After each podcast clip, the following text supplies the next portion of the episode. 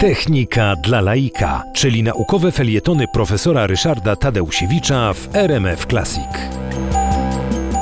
Rosjanie przygotowywali się bardzo poważnie do e, wysłania człowieka w kosmos. Zresztą, e, jak wiadomo, zrobili to skutecznie. E, No i w związku z tym, poczynając od 15 maja 1960 roku, były wystrzeliwane kolejne rakiety, na pokładzie których najpierw był manekin, właśnie ten korabl Sputnik 1 e, 15 maja 1960 roku miał na pokładzie manekin kosmonauty, no ale nie udało się go sprowadzić z orbity, w związku z tym e, ten pseudokosmonauta zginął.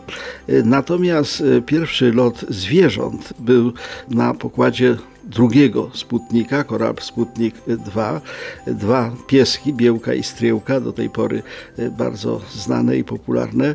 19 sierpnia 1960 roku zostały wysłane w kosmos i rzeczywiście no, były pierwszymi żywimi istotami, pierwszymi ssakami, no, które poleciały w kosmos, latały e, jako pasażerowie rakiety, no i e, wróciły na Ziemię całe i zdrowe. Nie wszystkim się tak udało, bo następna próba spowodowała e, śmierć czajki i lisiczki, też dwóch suczek rosyjskich. Rakieta eksplodowała na wyrzutni. Były również wysyłane na orbitę pszczółka i muszka, które niestety z kolei zginęły podczas powrotu z orbity.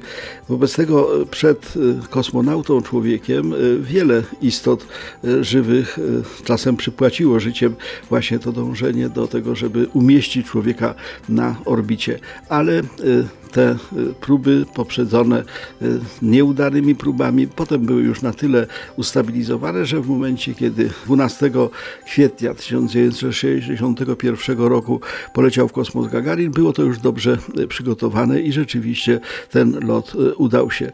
Natomiast była jedna zabawna rzecz, mianowicie korabl Sputnik 5, e, który miał na pokładzie też pieska, gwiazdeczkę, ale również takiego pseudo-astronautę w postaci manekina, wylądował gdzieś głęboko na Syberii. Zanim e, ekipy dotarły, e, to miejscowa ludność próbowała reanimować tego astronautę. Nie wiedzieli, co się dzieje, no bo nie dawał znaku życia. Tymczasem był to po prostu manekin.